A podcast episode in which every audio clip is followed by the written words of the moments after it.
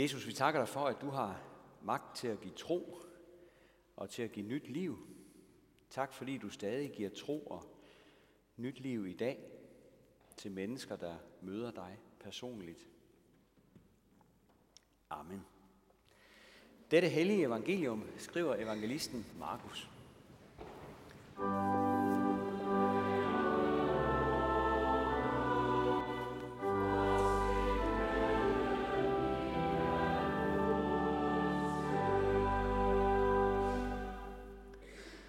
Da Jesus efter nogle dages forløb igen kom til Kapernaum, rygtedes det, at han var hjemme. Og der samlede sig så mange mennesker, at der ikke engang var plads uden for døren. Og han talte ordet til dem. Så kom der nogle hen til ham med en lam, der blev båret af fire mænd. Men da de ikke kunne komme hen til Jesus for de mange mennesker, fjernede de taget over det sted, hvor han var. Og da de havde lavet hul, sænkede de borgen med den lamme ned. Da Jesus så deres tro, siger han til den lamme, Søn, dine sønder tilgives dig. Men der sad også nogle af de skriftkloge, og de tænkte i deres hjerte, hvad er det dog, han siger? Han spotter Gud. Hvem kan tilgive sønder? Andre end en, nemlig Gud. Da Jesus i sin ånd straks vidste, at de tænkte sådan ved sig selv, sagde han til dem, Hvorfor tænker I sådan i jeres hjerte? Hvad er det letteste? At sige til den lamme, dine sønder tilgives dig, eller at sige, rejs dig, tag din borger og gå. Men for at I kan vide, at menneskesønnen har myndighed til at tilgive sønder på jorden, siger han til den lamme, jeg siger dig, rejs dig, tag din borger og gå hjem. Og han rejste sig, tog straks borgeren og forlod stedet for øjnene af dem alle sammen, så de blev helt ude af sig selv og priste Gud og sagde, aldrig har vi set noget lignende. Amen.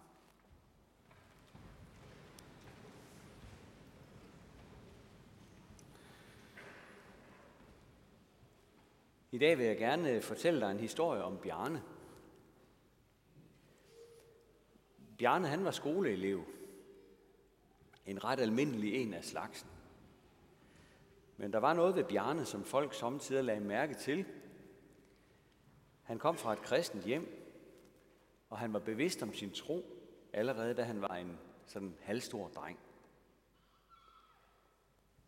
Nu havde Bjarne en kammerat, der også var fra et kristent hjem.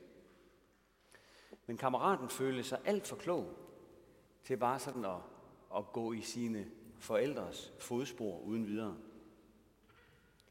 Så var det mere spændende med fester, og hvad flertallet af unge mennesker ellers interesserede sig for. Hans store søskende var begyndt at gå den vej, og det virkede rigtig meget interessant. Desuden var der garanteret kedeligt i kristne sammenhænge, det var kammeraten helt overbevist om. Bjarne selv, han var med i en kristen ungdomsforening, og han prøvede at få sin kammerat med derhen. Det var virkelig op ad bakke. For kammeraten opfattede sig selv som den klogeste i hele verden. Han vidste præcis, hvad han havde brug for, og hvad han ikke havde brug for. Det skulle Bjarne ikke komme og fortælle ham. Men Bjarne han blev ved, og på en eller anden måde fik han slæbt sin kammerat med på en cykeltur sammen med de andre i ungdomsforeningen. Det blev begyndelsen på en helt anden ungdom for den anden, end han ellers ville have fået. Der var endda indlagt en kærlighedshistorie i det også, den springer vi over. Men kammeraten har var pludselig meget ivrig efter at komme med til alt, hvad der foregik i ungdomsforeningen. Bjarne troede ikke sine egne øjne. Den kammerat havde været så skeptisk. Og så var han pludselig med til alle de kristne arrangementer, han kunne overkomme. Og her står jeg så i dag. Gav vide, hvor jeg havde stået i dag, hvis ikke Bjarne havde været min kammerat og havde inviteret mig igen og igen.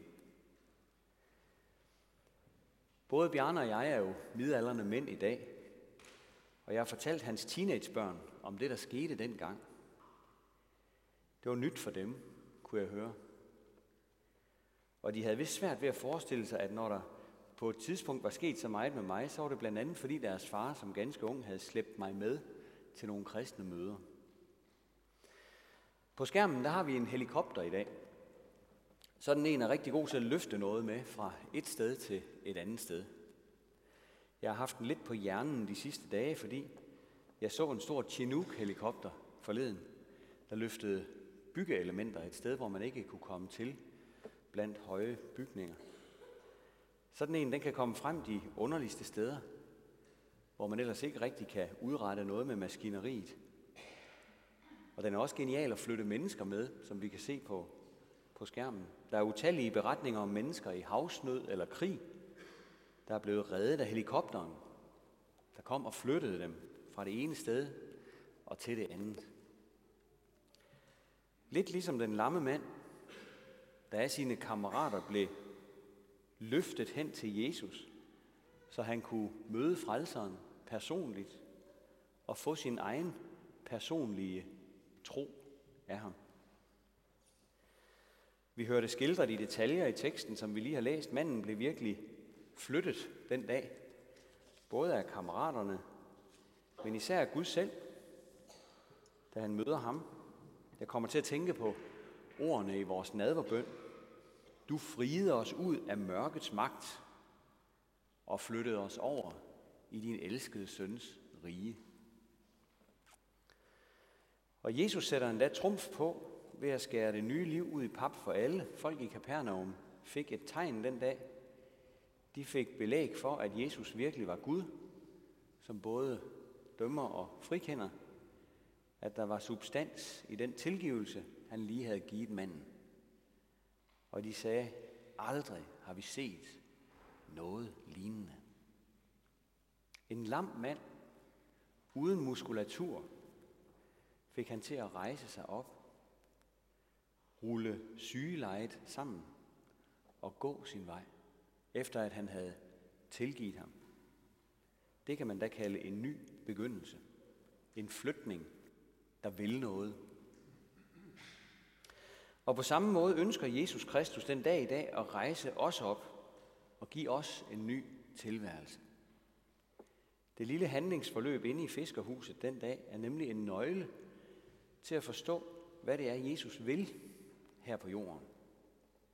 Han deler ud af tilgivelsen til os, alt imens han siger, at der er brug for den.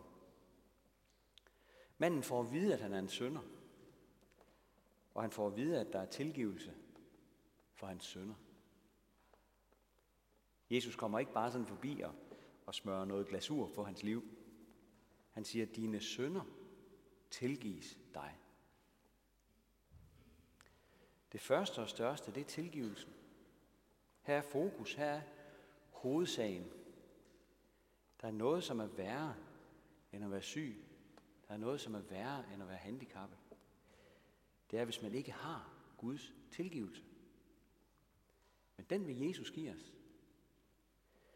Og den var alt andet end en gratis omgang for ham. Han måtte selv slæbe korset af sted, til han sejnede langfredag og bagefter hænges op på det og dø for at skaffe den her tilgivelse. Korset blev stedet, hvor han betalte prisen for sønderne, for vores afvisning af Gud, for vores øh, overbevisning om, at vi hver især er den klogeste i hele verden.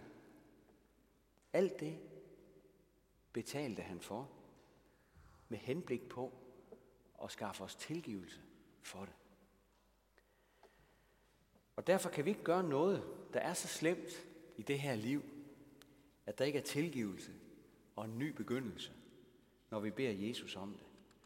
Jeg udsletter dine overtrædelser som en sky, siger han i den første tekst, som vi lyttede til i dag. Vend tilbage til mig, for jeg har løskøbt dig. Og det var jo egentlig det, der blev demonstreret i Kapernaum den dag. Vi ved ikke, hvor mange der opfattede øh, perspektiverne i det, der skete den dag. Da de gik hjem, sagde de, aldrig har vi set noget lignende. Der var virkelig blevet rav i den, da Jesus sagde, at manden var tilgivet. De skriftkloge nægtede at tro på det. Det kunne være jo ligesom komme og sige. Jesus så deres skepsis med det samme, og derfor spørger han ud i stuen, hvad der er lettest. At sige, dine sønner tilgives dig, eller at sige, rejs dig, tag din borger og gå. Selvfølgelig er det første lettest. En hver kan sige, dine sønner tilgives dig. Det er umuligt at tjekke. En hver også kunne lære den replik udenad og fyre den af. Men hvis der skal være realitet bag, så må man simpelthen være Gud selv. Ellers er der ikke dækning for ordene. Og det sagde Jesus, at han var Gud selv. Men der var en stor gruppe, der ikke ville acceptere det. Og i dag er det stadig sådan, at vandene ligesom deles med det samme, når der er tale om tilgivelse. Og vores mentalitet er måske endda blevet endnu mere fremmed for det med tilgivelse, øh, end menneskers tankegang var dengang. Hvor man for 2000 år siden diskuterede, om Jesus virkelig havde myndigheden til at tilgive sønder på jorden. Der diskuterer man måske snarere i dag, om der overhovedet er nogen, der har brug for at blive tilgivet. Altså, om det i det hele taget kan være på sin plads at tale om et begreb som synd. Hvis nu vi øh, tænker os, at Jesus var til stede midt i en forsamling i Kolding i dag, og det er jo det, som vi kristne påstår, at han faktisk er. Altså lige her og nu. Øh, så havde man nok diskuteret noget andet først, hvis det her var kommet op, nemlig om Gud overhovedet har ret til at blande sig i vores liv. Her ville de kristne komme til at spille en vigtig rolle i samtalen. Vi er jo mennesker, som er blevet flyttet af ham, ud af mørkets magt over i hans rige. Og derfor ville vi kunne fortælle om ham. Vi ville kunne opfordre andre til at møde ham. Vi ville kunne slæbe nogen med hen til ham simpelthen. Nu taler jeg om det som om, øh, som om det er en hypotese, altså hvis, hvis Jesus var her, så kunne vi og så videre. Men sagen er jo, at, at han virkelig er her. Han er til stede i det kristne fællesskab. Det kristne fællesskab er det oplagte sted at møde ham. Alle steder, hvor kristne samles i hans navn, der er der sådan et lille fiskerhus, hvor man kan få det personlige møde med ham. Her taler han selv, fordi hans ord lyder. Her deler han selv ud af sin tilgivelse. Her tager han imod os, når vi kommer til ham, uanset hvilken baggrund vi har. Og det ligger der jo her og nu en betroet opgave i for os, der kender ham allerede. Jesus kunne jo selv have taget hen og hentet den her mand den dag. Men af en eller anden grund lod han i stedet nogle kammerater spille en vigtig rolle for mandens videre tro og tilværelse, nemlig at de skulle hjælpe ham hen i huset, så Jesus kunne løfte ham over i Guds rige. Og på samme måde giver Gud af en eller anden grund os en opgave at gå ind i. En opgave, der består i at prøve at få folk med ind i det kristne fællesskab, så andre mennesker kan få deres eget møde med ham. Ansigt til Og der er dækning for det. Han siger jo selv, hvor to eller tre er forsamlet i mit navn, der er jeg midt i blandt dem. Og den, der kommer til mig, vil jeg aldrig vise bort.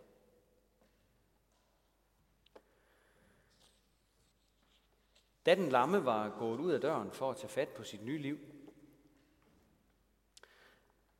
har de omkringstående måske stået og kigget lidt op på, på det der hul i loftet med himlen ovenover.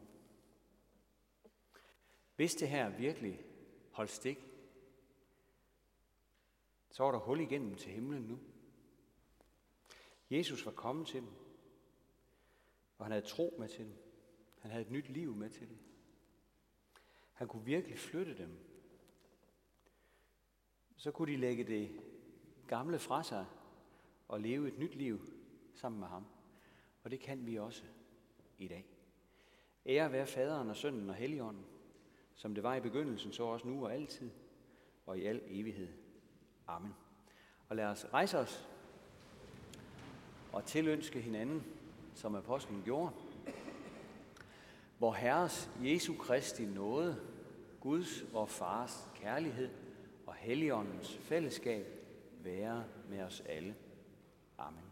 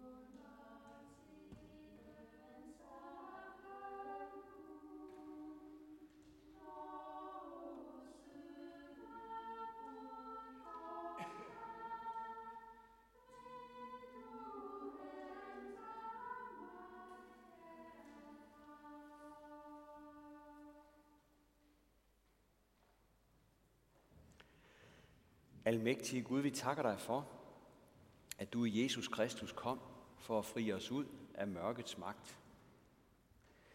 Vi beder for alle kristne ud over jorden, vær hos os med opstandelsens kraft.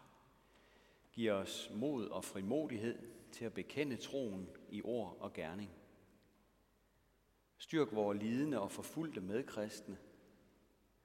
Vær nær hos vores venskabsmenighed i Mista i Ægypten – og hold din hånd over vores kristne brødre og søstre verden over, som forfølges. Kald ledere frem, som kan skabe fred i de usikre lande. Vi beder for den danske kirke, forbarm dig over os, send vækkelse og fornyelse ind over os.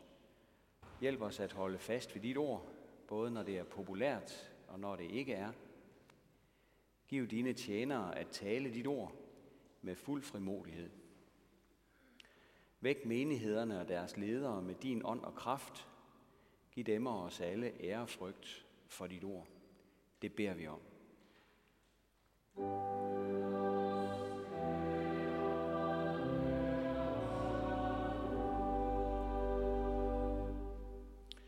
Vi beder for din menighed her hos os, for enhver i dette hus.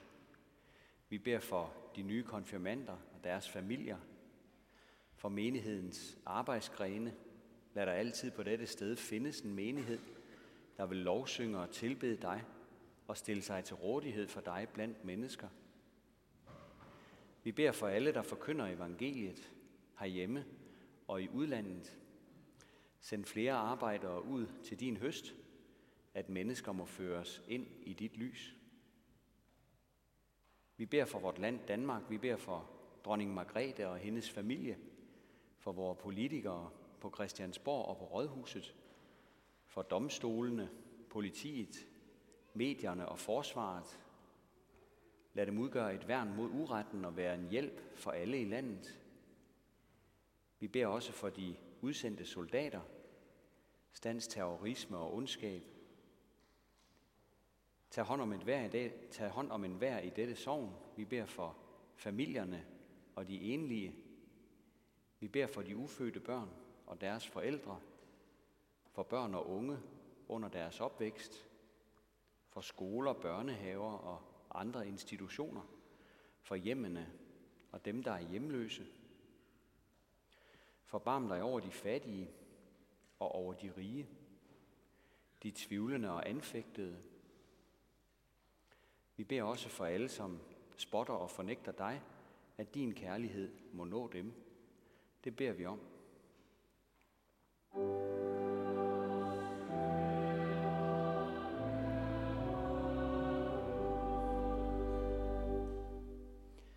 Vi beder dig for alle, som lider nød. Se til dem, der lever i frygt for krig og katastrofer. Se til alle flygtninge, alle som lever i sult og mangel, alle som mangler arbejde. Vi beder for de mishandlede og misbrugte. Lad dem opleve din lægedom. Vær med dem, der sidder med sorg og savn. Se til vores syge i deres hjem, på vores plejehjem og hospitaler. Vi beder for de gamle og for dem, der skal dø, og dem, der skal være hos dem til sidst. Vi beder om, at vi selv må være forberedt på at skulle forlade dette liv og stilles for din domstol. Følg os med din hjælp og nåde dag for dag, og lad os til sidst komme hjem til din evige glæde ved din søn Jesus Kristus, vor Herre. Det beder vi om. thank you